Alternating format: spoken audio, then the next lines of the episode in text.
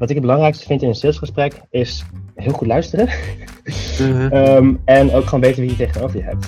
Ehm, mhm. Dus als ik met een plus aan tafel ga, dan weet ik hoe een supply chain eruit ziet. Dan weet ik wat de KPI's zijn. Dan weet ik um, ja, gewoon wie ik tegenover me heb.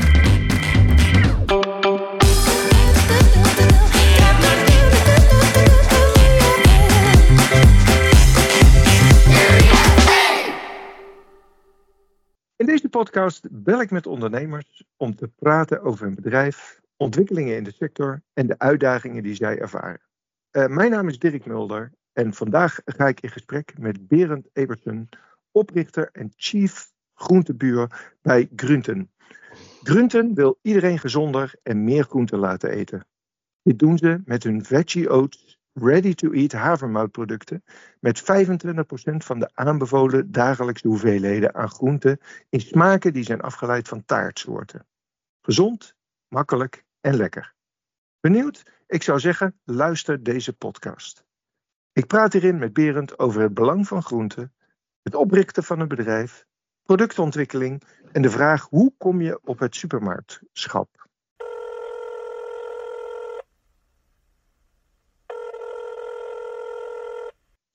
Goedemorgen, Berend. Hallo, wat mooie introductie. Ja, zeker. Um, nou ja, laten we maar beginnen. Uh, kun je wat vertellen over jezelf? Jazeker. Uh, nou, mijn naam is Berend Everson. Uh, ik ben 30, ik woon in Amsterdam. en ik ben dus de founder van Groente. Ik ben gezondheidswetenschapper van huis uit. En um, nou, na een tijdje had ik zoiets van, ik wil gaan bijdragen aan daadwerkelijk concreet iets gaan doen voor de gezondheid van Nederland. Ehm, ja, en toen ben ik uh, met mijn bedrijf gestart. Ja, hoe, hoe kom je dan op het idee? Um, ja, dat begint eigenlijk al een beetje voordat ik gezondheidswetenschappen ging studeren. Um, Want uh, op mijn zeventiende viel ik in de categorie uh, obesitas. Was ik niet zo blij mee. En ik had, ja, ik had zoiets van, oké, dit, uh, dit, moet, ja, dit, dit moet anders. Ik, zit zo, ik voelde me zo vast in mijn lichaam. En um, ja, het heeft ook een heleboel uh, mentale gevolgen. Toen heel erg gaan focussen op voeding. Um, eerst op een dieet gegaan, dat werkte niet helemaal lekker. En toen daar gewoon heel erg ingedoken. Toen um, in totaal in die per jaar die volgde 30 kilo afgevallen. En toen gezondheidswetenschappen gaan studeren, omdat ik zoiets had van ja, dit is mega fascinerend wat dit, wat dit doet voor mijn, voor mijn lichaam, voor mijn, voor mijn mentale gezondheid, voor mijn uh, fysieke gezondheid. En uh, gezondheidswetenschappen gaan doen en toen was ik klaar. En toen had ik zoiets van ja, oké, die heb ik al deze uh, kennis opgedaan in die studie, maar hoe ga ik er nou concreet voor zorgen dat mensen daadwerkelijk gezonder gaan eten? Want um, ja, kan nu mee gaan schrijven aan een adviesrapport, maar eigenlijk feitelijk weten de meeste mensen wel op hoofdlijnen wat ze moeten doen. Um, en ja, vanuit mijn eigen ervaring weet ik, weet ik gewoon nog heel goed. Ja, de ongezonde keuze is gewoon zo alomvertegenwoordigd overal. Um, en ik had zoiets mhm. van: het moet gewoon makkelijk en lekker zijn om gezond te gaan eten. Dan alleen door de verleiding voor gezond net zo groot te maken als voor ongezond, kan je echt een lans breken. En ik maakte toevallig voor mezelf uh, al een uh, havermout waar ik uh, bloemkool doorheen mixte. Wat ik mijn mm bloemkool appeltaart ontbijtje noemde. En dat had ik al toen ik nog studeerde. En toen was ik dus klaar met die studie, meegeschreven aan een paper. En toen dacht ik, ja, dit, dit, dit, wetenschappelijke further research is necessary. Voelt voor mij onvoldoende rewarding. Um, En toen ben ik gaan kijken van, nou oké, wat, uh, wat zou dan de volgende stap zijn om dit uh, bloemkool havermout ontbijtproduct uh, daadwerkelijk aan de man te krijgen. En dat was de start mhm. van Groente eigenlijk. En wat is Groente precies? Wat we doen, um, we hebben twee producten inmiddels. Um, veggie Oat, dus dat is een havermout ontbijt op basis van 40% groente in de smaak van mm. taartsoorten. En dat zijn dus, nou, de eerste was dat appeltaartontbijtje, de Apple Pie Veggie Oats. En daar zijn nu ook een carrot cake en een banana pecan bij. En die liggen inmiddels in de schappen van de Albert Heijn To Go en de Albert Heijn. En toen was ik daar een tijdje mee bezig, tenminste, toen was ik er drie jaar mee bezig. En toen stroomde dat dus door richting de retail. En toen dacht ik, ja, oké, dat is top. Um, nu hebben we een ontbijt moment waar meer groente in verwerkt zit. Maar mensen snacken ook veel. En de belangrijkste reden dat we dat meer dan driekwart van Nederland te weinig groente binnenkrijgt, is omdat ze het eigenlijk altijd alleen maar tijdens het avondeten en soms tijdens het lunch eten. En toen dacht ik, nou, dan hoef ik me daar dus niet op te focussen.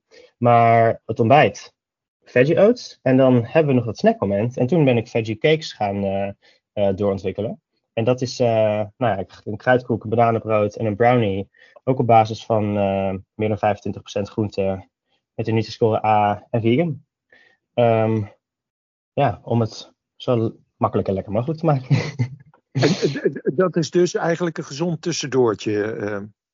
Ja, ja, het is letterlijk gewoon uh, een, bananenbroodje, maar dan um, ja, zonder alle toegevoegde suikers en vetten en dingen die je eigenlijk niet nodig hebt, maar met uh, banaan als hoofdingrediënt daadwerkelijk. En nog 25% groente en uh, volkorenmelen en gewoon producten waarvan je denkt, ja, dit is voor mij dan de logische keuze om daar een product van te maken. Ja, dat heb ik geleerd. Hoe kom je dan op die ideeën? Is dat dan in, in je keuken experimenteren en dan kijken wat voor smaakje uh, je lekker vindt of zo? Uh, nou, in het begin, ja, weet je, dat, uh, toen ik dat bloemkool, toen ik dat, dat ontbijtje voor mezelf maakte, toen zat ik gewoon nog in de schoolbanken. Ik had gewoon zoiets van, ja, mm dit wil ik gewoon eten. En dat, ik heb dat denk ik twee jaar gewoon elke week maakte ik dat voor mezelf. Um, op zondag, zaterdag op zondag um, maakte ik gewoon een grote, echt een, echt een grote soeppan eigenlijk vol. Eerst bloemkool koken, mm pureren en dan daar mijn hele ontbijt in maken. En dan, dan zet ik dat klaar in de koelkast en deed ik een paar in de vriezer. Dat heb ik genoeg voor de hele week. Um, ik hou gewoon heel erg, ik hou heel erg van lekker eten. dat uh, mag het in duidelijk wezen. Um, mm -hmm. Maar ja, ik heb dan ook een beetje zoiets van, dat kan je ook slim doen. Um, ja, dus uh, ik maakte dit soort dingen eigenlijk altijd voor mezelf. Ik uh, kan me nog herinneren, er was ooit zo'n hype, zwarte bonen brownies. Um, ja, dat maakte ik ook gewoon altijd voor mezelf. Nou, dat is top, kan je mm -hmm. lekker product eten, maar ook nog hartstikke gezond. Dus het is eigenlijk een beetje geboren uit ja, het maken voor mezelf. Um, en ik merkte, mijn vader gaat elk jaar weer op dieet. En um, mm. dus die ging het na een tijdje ook maken, want die had dus, oh dit is top, want dan kan ik er wel gewoon nog genieten, maar dan is het uh, nou, wel goed voor de calorietjes. En toen dacht ik, nou prima, ik snap dat hij dat gaat doen, maar toen na een tijdje ging mijn broertje dit eten. Um, en mijn broertje is echt, uh, als het even kan, eet hij drie keer per dag kapsalon. Um, ja. Dus ik dacht, oké, okay, nou als hij dit ook nu interessant vindt, dan zit hij misschien wel echt, dan is dit misschien echt wel een topproduct eigenlijk. En toen ben ik dat, mm. uh, nou ja, steeds verder gaan, gaan doorzetten tot wat het nu is. Dan heb je een product met hele grote fans, maar dan pas wordt het serieus. Dan moet je het gaan produceren en verder opschalen. Hoe heeft Berend dat aangepakt? Uh, ja, dat is inderdaad, klinkt allemaal heel makkelijk zo. Um, nou, het begint natuurlijk allemaal een soort van een receptuur bepalen in je eigen keuken. Um, dat een beetje testen en doen. En na een tijdje ook gewoon, oké, okay, wat zou dan de volgende logische stap zijn? Um, en toen ben ik uiteindelijk gewoon heel veel, heel veel eerst gevraagd aan oma Google. Um, mm-hmm. En um, daarna gewoon een beetje aan het kijken van oké, okay, wie is er net een stap verder in het proces dan ik, in, die ik mogelijk een vraag zou kunnen stellen. Um, en toen heb ik de founder van uh, Majoni uh, gecontact. Um, ja. Dus van ja, als er iemand is die weet hoe je bloemkool in uh, lekkere producten kan verwerken, dan, dan is zij het wel. Mm-hmm. En bij Kitchen Republic uh, aangeklopt. Dat is een uh, uh, food ondernemersnetwerk. En op de eerste bij kennismaking afspraak um, ja, vertelde ik dus over mijn, mijn, mijn plan. Want destijds was het eigenlijk voornamelijk nog een plan. Um, en met de prototype producten. En de eigenaar daarvan die zei van, dit is echt een vet, dit is echt een vet idee. Ik, ik spreek een heleboel startups per week, maar dit heb ik nog nooit gehoord. En Mark kwam toevallig uh, uh, twee dagen daarna langs. En toen zei hij van ja, mag, uh, mag mijn collega dit, dit pitchen? En nou, zo gezegd, zo gebeurd. En toen zat ik drie weken later bij Mark aan tafel en die zei dit is top. We willen nu net een nieuw concept gaan openen. Over 2,5 maand, 16 winkels, gaat regelen. Um, dus toen ben ik als de brandweer nou ja, op zoek gegaan naar een producent. En welke verpakking moet het in, hoe moet het eruit zien. En nou, 2,5 maand later stond op het schap. En um, met dan wel echt de MVP, zoals ze dat noemen. Um, echt het product waar, daar was er nog geen marktonderzoek. Wie is, mijn, wie is mijn consument? Wat is nou exact de propositie? Het heette toen groente, groenteontbijt. Um, maar ja, inmiddels, uh, ja, dan ga je dus heel veel feedback ophalen en met consumenten in gesprek. En um, we hebben drie iteratiestappen tussen gezeten. Verpakking aangepast, receptuur een beetje getweakt, wikkel er omheen. Um, en toen na een tijdje van producent gewisseld, ook omdat we verder moesten opschalen, um, tot het product wat er nu staat. Ehm, Ja. Het, het, het, klinkt allemaal makkelijk, maar hoe, hoe, klonk, hoe vind je zo'n ja, hoe vind je zo'n producent en uh, ja. hoe, hoe, overtuig je die van, uh, uh, van, van, jouw product? Nee, en het klinkt ontzettend makkelijk inderdaad als ik het allemaal zo vertel, maar het is echt bloed, zweet en tranen. En ja, maar soms is het ook gewoon een beetje geluk hebben.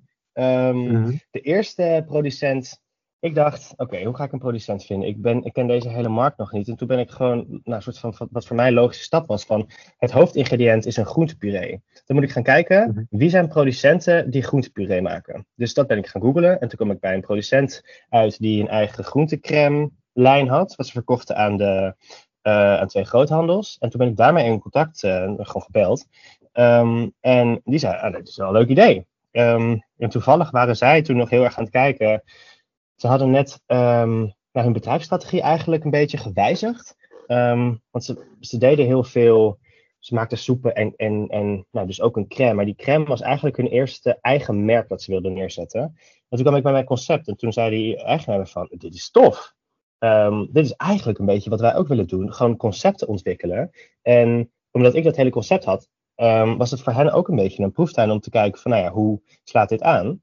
Uh, inmiddels zijn zij vrij bekende producent voor start-ups, scale-ups. En uh, uh, ja, hebben ze dat goed, goed gedaan. Maar dat was ook soms gewoon een beetje geluk hebben. En toen de volgende Ja. producent, toen, nou, toen was ik inmiddels drie jaar bezig. En toen had ik wat meer netwerk opgebouwd binnen, eh, binnen de foodwereld. Dus dan is het ook een beetje van, nou, de, de partijen om je heen die je kent, die eh, vergelijkbaar of, nou ja, eh, ja, ergens soort gelijke producten eh, produceren. Van, hey, wie is jouw producent? Eh, weet jij nog toevallig eh, contacten? En ehm, zo dat een beetje gaan, gaan onderzoeken. Ehm, en toen bij, het is voor, voor Veggie Oats was dat nog best wel lastig, want het is geen, ja, het is geen zuivelproduct. Dus een zuivellijn wordt afgevuld, dat is vloeibaar. En daar kan een Mhm. havermoutproduct is daar te vast voor eigenlijk.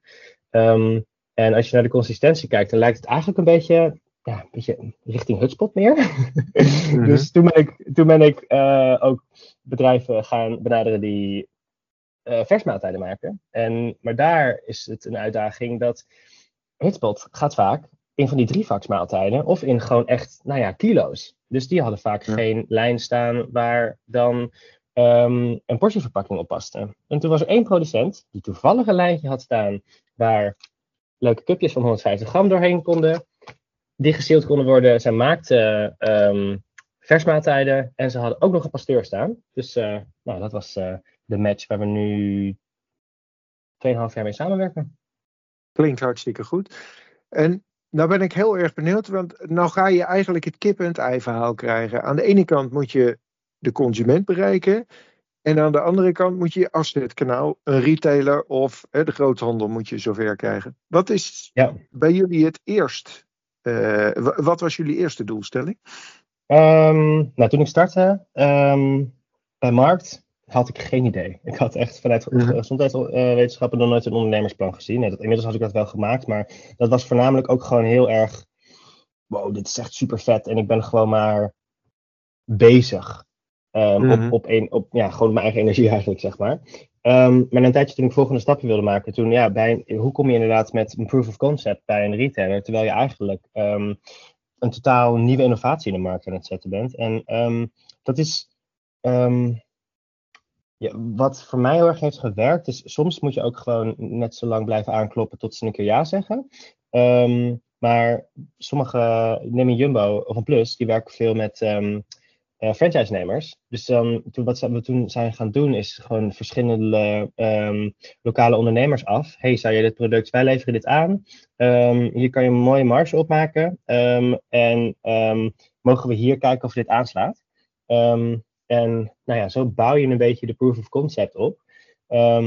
En met een, ja, meer een case dan eigenlijk, eh, ga je dan naar een category manager van hey, dit zijn de KPI's die we aftikken, waarvan ik weet, het is ook gewoon, ja, wat ik het belangrijkste vind in een salesgesprek is heel goed luisteren. Mhm. Ehm, en ook gewoon weten wie je tegenover je hebt. Ehm, Mhm. Dus als ik met een plus aan tafel ga, dan weet ik hoe een supply chain eruit ziet. Dan weet ik wat de KPI's zijn. Dan weet ik ehm, ja, gewoon wie ik tegenover me heb. Dus dan is het ook, what can I do for you? De producten hebben een lange houdbaarheid. Eh, ze zijn, ehm, want dat is natuurlijk ook heel belangrijk op een, op een schap. Ehm, ze zijn vegan, eh, ze hebben een Nutri-score A. Ehm, nou, er zit eh 40% groente in. Ehm, dit is ons social media account, we hebben een bepaalde following. en dit is de proof of concept die deze filiaalmanagers hebben laten zien. Dan is het eigenlijk een soort van, ja, funnel je eigenlijk naar, dit zit gewoon goed in elkaar. En dan, ehm, ja, dan heeft een category manager van, ja, laat maar doen dan.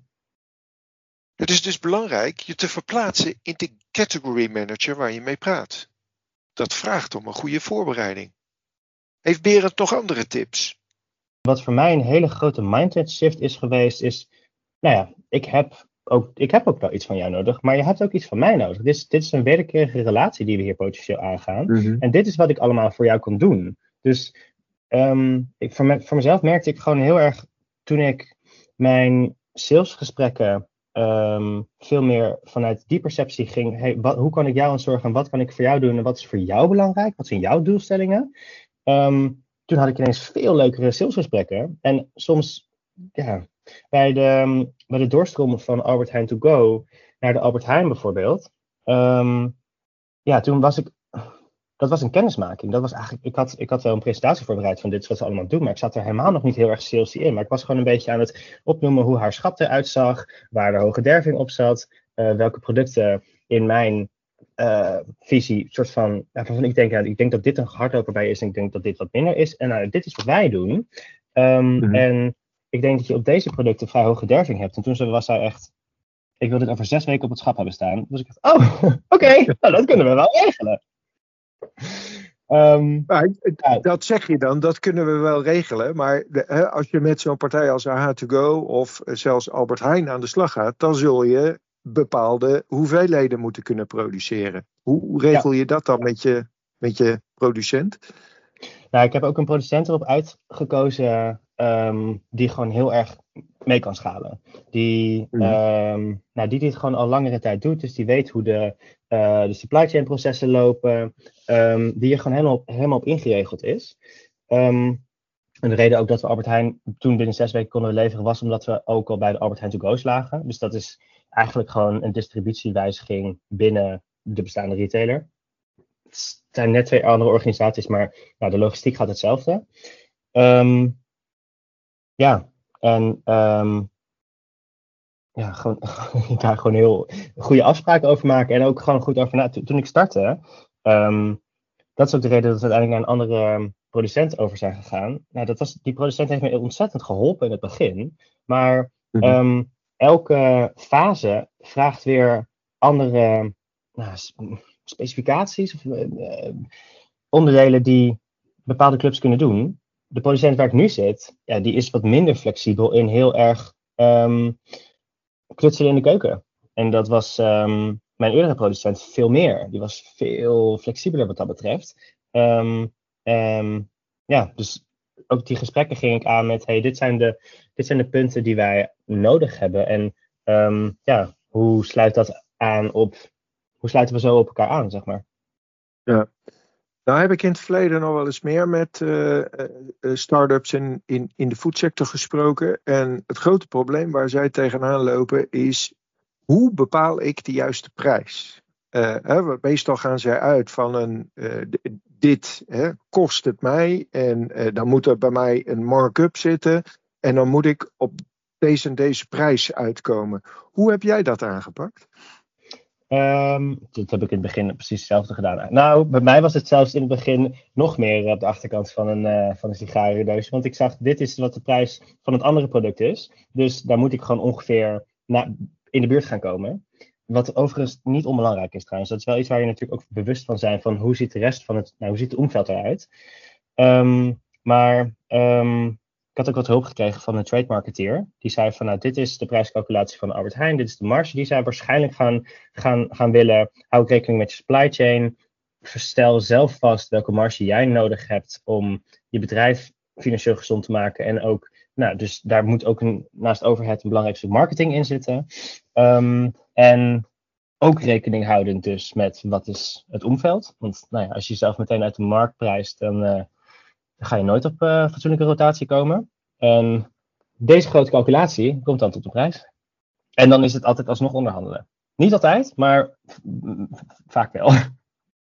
Maar jij, jij, kijkt dus wel vanuit, zeg maar, de eindprijs, reken je iets meer terug. En dan, zou je, dan kijk jij van, ja, voor dit zou ik het ongeveer moeten kunnen produceren. Uh, nou, ik had al een, uh, een prijs, een productieprijs die mijn uh, producent gewoon nou ja, aan, aan, mij rekent. Um, mm -hmm. En ik heb dan gewoon een, ik heb gewoon een Excel-file waar staat van, oké, okay, wat zijn de verschillende lagen die ertussen? Wat verdient iedereen? Hoe moet dat eruit zien? Hoe ziet de consumentenprijs eruit? En dat is als het ware een formule en dat rekent met elkaar door. Um, en um, daar staat, ja, als ik aan de consumentenprijs ga naar beneden of naar boven ga, en de andere factoren blijven hetzelfde, dan zie ik mijn marge naar boven en naar beneden gaan. En uh, hij wordt groen als hij in het groen zit, en hij zit rood als hij in het rood zit. En uh, um, er zit natuurlijk wat rek links en rechts aan, maar als het niet uit kan, dan is het ook wel fijn om dat van tevoren te weten. Want ja, dan kan het niet uit. Dus dan moet je niet aan beginnen. Nee. Het is natuurlijk ook nog heel erg belangrijk om uiteindelijk die consumenten over te halen om jouw product te kopen. Hoe heb je dat gedaan ja. of hoe doe jij dat? Ja, dat? ja, dat blijf ik altijd. Dat blijft altijd een hele interessant spel of zo. Mm -hmm. Want soms, nou, het is een beetje hetzelfde als met uh, TikTok. Je kan niet bepalen wanneer iets viral gaat.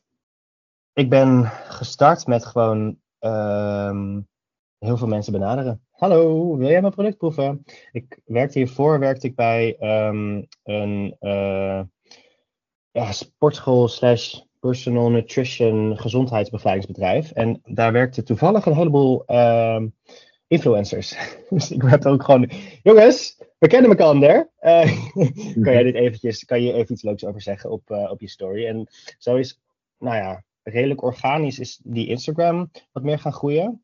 Um, want uiteindelijk is het zo, um, ja, ik weet niet of het, ho hoe dat onderzocht is, maar um, de welbekende leus, je moet iets zeven keer zien voordat je ook daadwerkelijk getriggerd wordt om iets te kopen. En in het begin had ik heel erg zoiets van, nou, we moet, ik moet gewoon zoveel mogelijk, mensen moeten hier zoveel mogelijk mee in aanraking komen.